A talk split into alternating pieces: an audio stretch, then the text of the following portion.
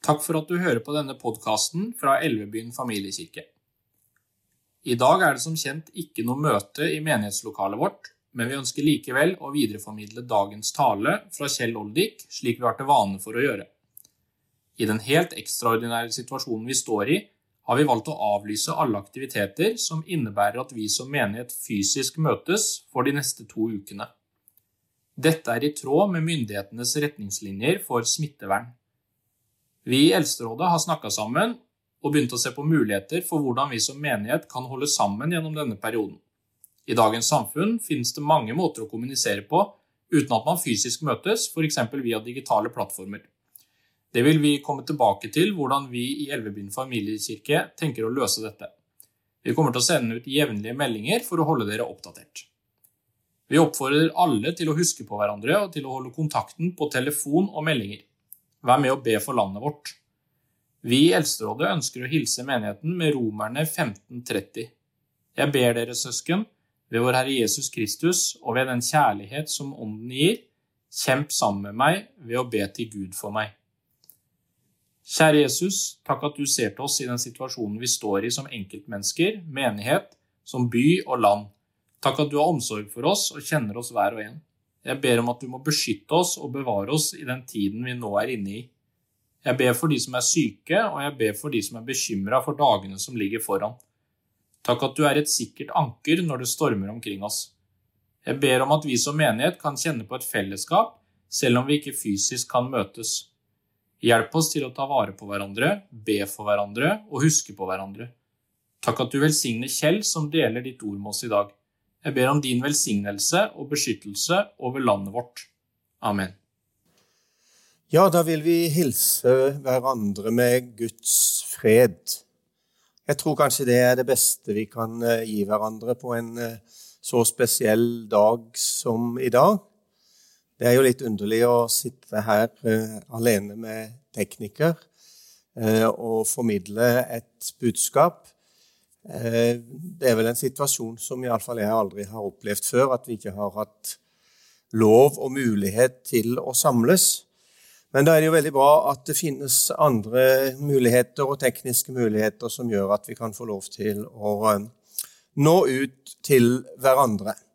Og Derfor er vi glad for denne muligheten nå i dag til å kunne få lov til å dele en hilsen ifra Guds ord. Vi er i en spesiell tid underlig for oss alle sammen og krevende for uh, mange.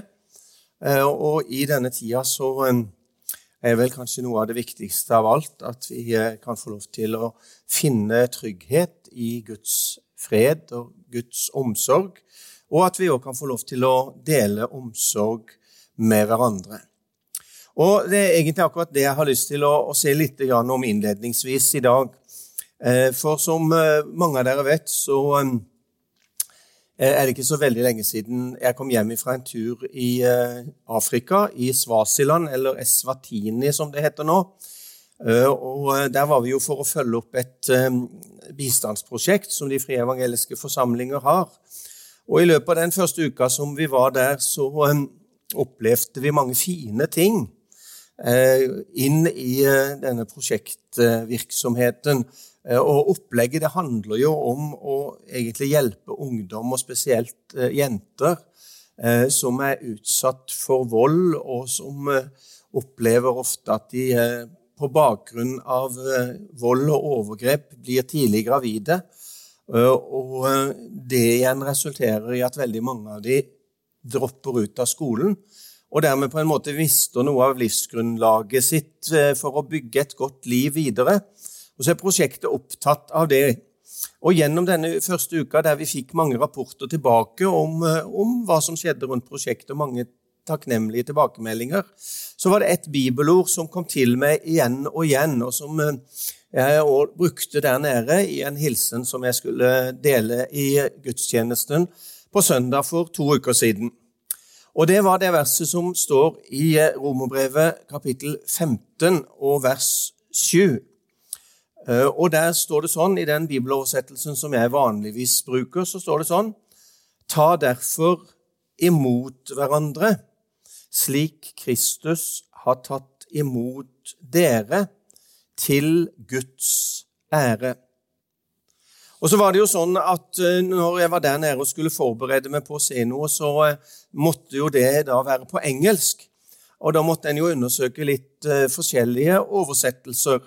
Og så viser det seg, både på norsk, men ikke minst på engelsk, som har veldig mange ulike oversettelser, at, at dette verset har fått litt forskjellige varianter, selv om uh, hovedinnholdet selvfølgelig er det samme.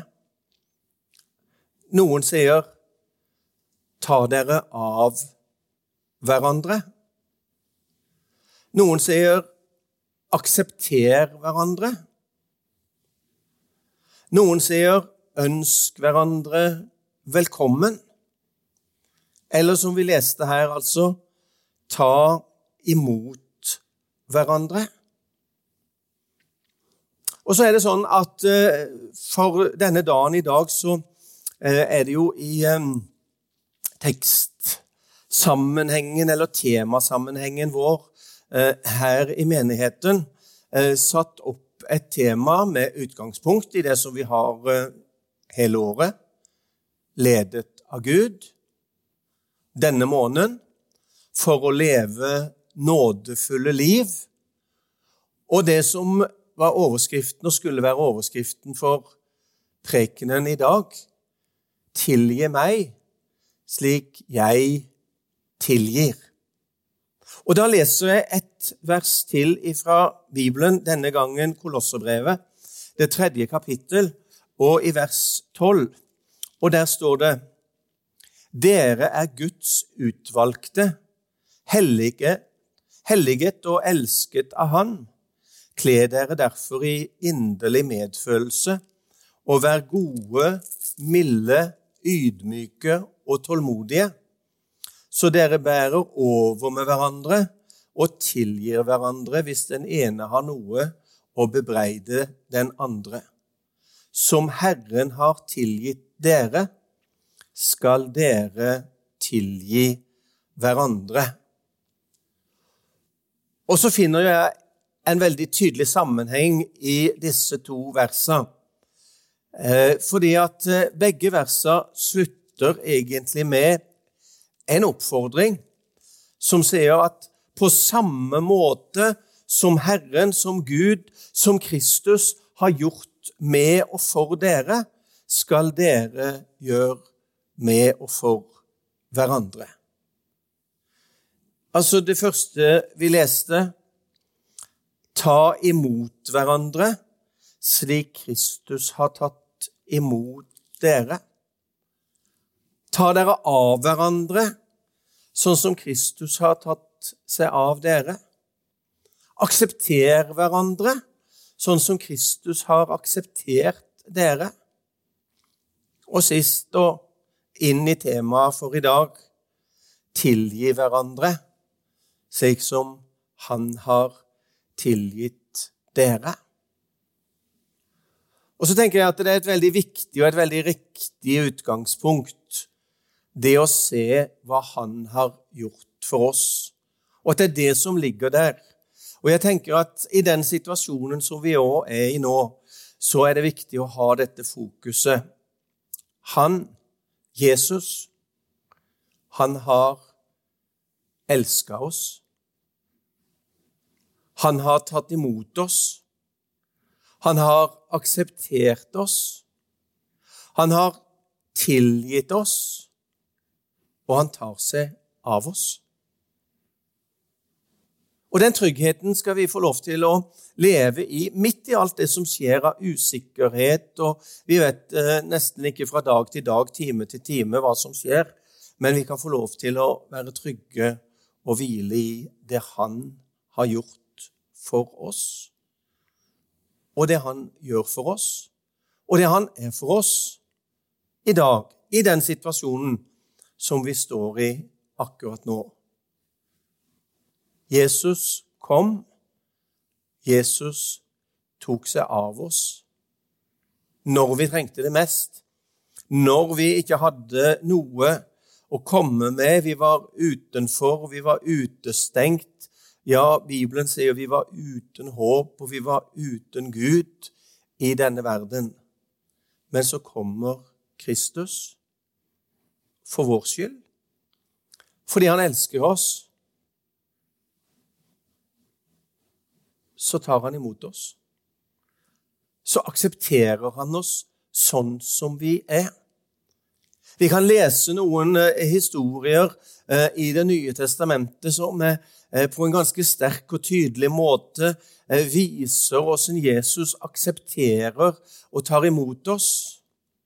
Ikke fordi at vi er så fortreffelige og får det til, men fordi han elsker oss. Jeg har spesielt i, i forbindelse med, med, denne teksten og disse tankene eh, tenkt på to veldig kjente fortellinger fra Johannes evangelium. En ene fra kapittel 4, en andre fra kapittel 8. Vi møter to kvinner.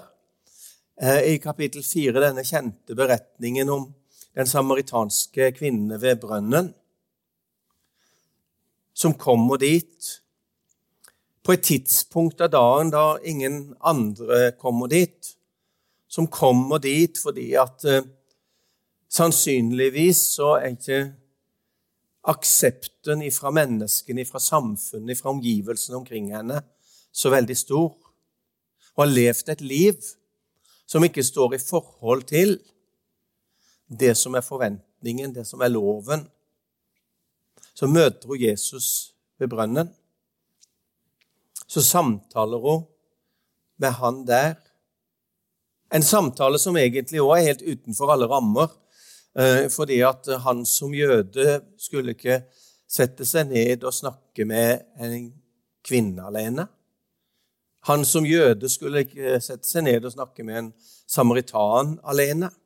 Det er mange ting i omstendighetene som gjør at eh, denne samtalen er veldig spesiell. Og så vet vi hva som skjer. At Jesus får få lov til å formidle et budskap om at han har noe å gi som kan tilfredsstille hennes lengsel. Det levende vannet. Men gjennom samtalen så ser vi også at Jesus han gir ikke aksept til hennes livsførsel og det som har vært, men det Jesus aksepterer, det Jesus tar imot, det Jesus ønsker velkommen, det er denne kvinna sånn som hun er. Og det syns jeg er så godt for oss å vite, at uansett livets omstendigheter og hva det har bydd på, han setter seg ned hos oss. Han aksepterer oss sånn som vi er. Med våre feil, med våre mangler, med våre nederlag, i en vanskelig situasjon der vi kanskje fylles av frykt. Han har noe å gi levende vann. Hvis vi går til kapittel 8, så møter vi enda en kvinne, og det er denne kvinna som eh, og de skriftlærde drar fram på tempelplassen fordi hun er grepet på fersk gjerning i hor. Vi kjenner beretningen veldig godt. De har loven på sin side til å steine, og de ønsker å steine, men før de eh, skal fullføre det, så vil de høre Jesus sin mening om det. Det er ingen tvil om at handlingene hun har gjort, er ikke innenfor rammen av det som er akseptabelt. Men Jesus ser et menneske som han elsker for den hun er. Og så kommer denne setningen som er så sterk, egentlig, når det at Jesus utfordrer anklagerne og sier den av dere som er uten synd, han kaster den første stein. Da bøyer de hodet, og så tusler de ut. Den ene etter den andre, og de eldste, den eldste først, står det. Og til slutt så står Jesus, vet vi, tilbake med denne kvinna alene. Har ingen fordømt deg? Nei, ingen har fordømt meg. Så kommer denne setningen som så veldig mange av oss er så glad i, der Jesus uttrykker og sier, 'Heller ikke jeg fordømmer deg'. Gå bort og synd ikke mer. Ta imot hverandre. Aksepter hverandre. Tilgi hverandre på samme måte som han har tilgitt dere. Det han har gjort, er grunnlaget for måten vi kan leve og omgås og handle overfor hverandre på. Tilgivelse.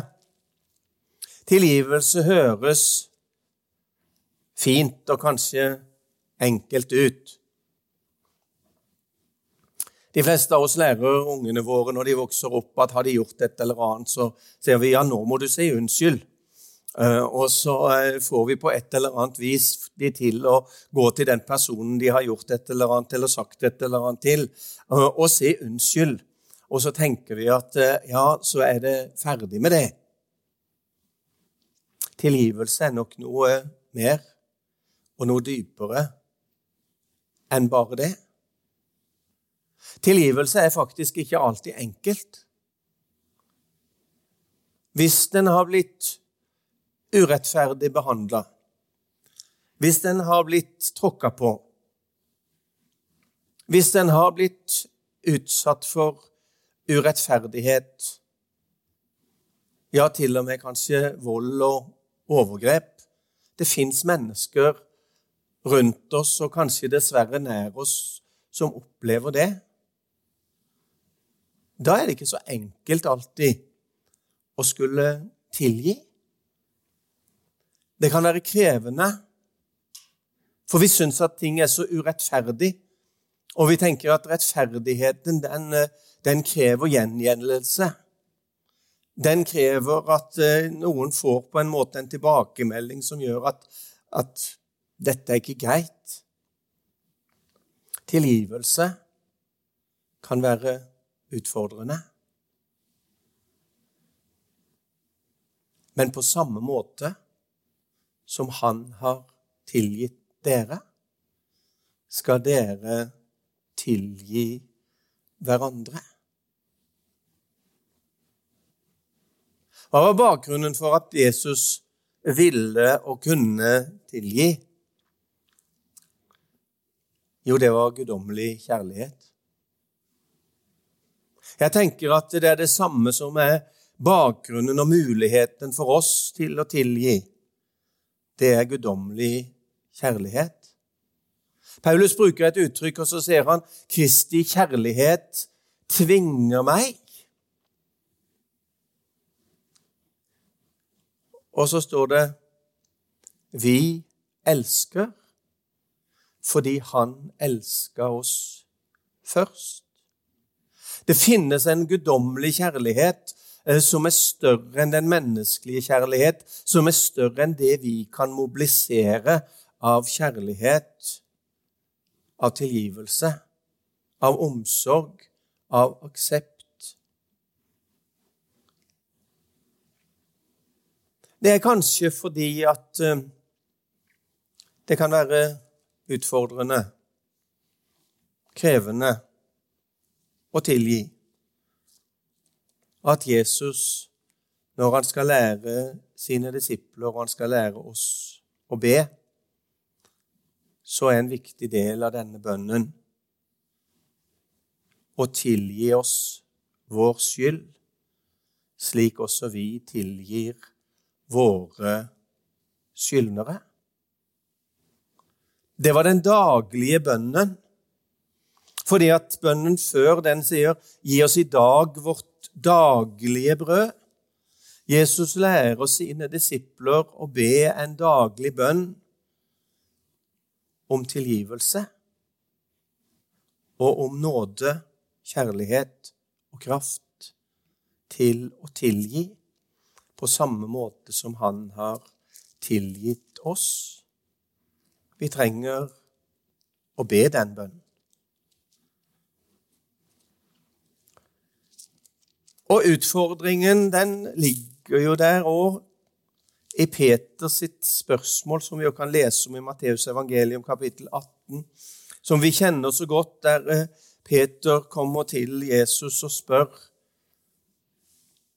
Hvor mange ganger skal min bror kunne synde mot meg, og jeg likevel tilgi ham så mange som sju?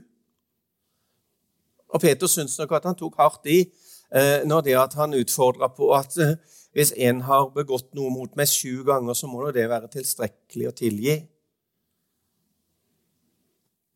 Ikke sju ganger, svarte Jesus, men jeg sier deg 70 ganger sju.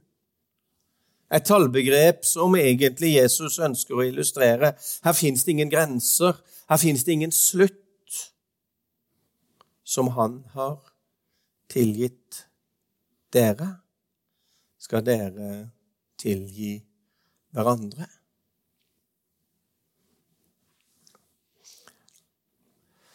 Egil Svartdal hadde et plussord denne uka. Han sender jo stadig det, og det ene av de handler om tilgivelse. Og Der siterer han bl.a. biskop Desmond Tutu, som skulle ha sagt eh, etter at apartheidsystemet i Sør-Afrika var avslutta Tilgivelse kan ikke forandre fortiden, men det kan forandre framtiden. Det er umulig for oss å gjøre noe med historien, men det er mulig for oss å åpne opp for det som kan gi oss en bedre framtid. Så sier Egil videre veien som leder til frihet, heter ikke hevn, men tilgivelse. Tilgivelse setter den sårede fri. Tilgivelse handler om nåde, handler om det ufortjente. Det er evangeliet, det er budskap om Han som gjorde for oss, på samme måte som Han har tatt imot dere på samme måte som han har akseptert dere, på samme måte som han har tilgitt dere, skal dere gjøre mot hverandre. Ta dere derfor av hverandre, på samme måte som Kristus har tatt seg av dere, til Guds ære. Det er altså til ære for Gud. Det Kristus gjorde, det Jesus har gjort for oss når han kom med frelse, forsoning, nåde og tilgivelse, til ære for Gud. Og så er det ikke bare våre ord eh, som kan være med å ære Gud. Det er ikke bare vår lovsang som kan være med å ære Gud men et liv der vi setter hverandre fri, der vi gir hverandre nåde, på samme måte som Han har satt oss fri og gitt oss nåde, til Guds ære. Jeg tenker at eh, den tida som vi er inne i, og som vi opplever akkurat nå, den kan være underlig, og den kan bringe med seg både frykt og smerte og usikkerhet. Men jeg tenker at den kanskje kan hjelpe oss til å få et litt større perspektiv på livet. Vi er tvungen til å roe oss litt ned. Vi er tvungen til å være for oss sjøl. Det åpner for oss muligheter til å tenke litt større, litt lengre. Livet dreier seg ikke bare om meg og mitt og mitt beste. Jesus levde ikke for seg sjøl. Jesus lever ikke for seg sjøl. Han levde for oss, for andre. Han lever for oss. Han lever for andre i dag. Så er det ikke mitt beste som er det viktigste nødvendigvis, men hva jeg kan få lov til å være med og bidra, gi, tilgi, vise omsorg for menneskene rundt oss. Og det er jo nettopp det vi oppfordres til i disse dager, å være opptatt av. Om ikke vi kan fysisk være så nær og til stede for hverandre, så kan vi få lov til å tenke at det vi gjør, det vi er med på, det er for andres beste. Jeg har lyst til å avslutte med et vers som står i det samme kapittelet som vi begynte å lese ifra, nemlig fra Romerbrevet kapittel 15. Der står det i vers 13.: Må håpets Gud fylle dere med all glede og fred i troen, så dere kan være rike på håp ved Den hellige ånds kraft. Det er håpets Gud, som er din og min Gud. Det er håpets Gud som kan fylle oss med glede og fred. Det er håpets Gud som gjør oss rike på håp midt i den situasjonen som vi står i i dag. Han er med oss. Han har gjort alt for oss, og han har lovt å være med oss alle dager. Skal vi be? Herre, vi takker deg for at du kom, og du tok deg av oss. Når vi ingenting var, når vi var utenfor, når vi var langt borte, så kom du fordi du elska oss, og så tok du det av oss. Og gjennom din forsoning så er vi blitt akseptert. Så har vi kommet innenfor. Så har vi fått del. Og så har vi fått tilgivelse. Og så ber vi om at du skal fylle oss med din kjærlighet og med din fred og med din nåde, og bevare oss i trygghet i troen på deg og bevare oss, Herre, i den situasjonen som land og folk er i akkurat nå. Bevare oss som enkeltindivider. Bevare oss som nasjon.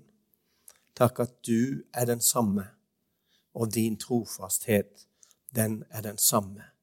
Det vil vi takke og prise deg for. I Jesu navn. Amen.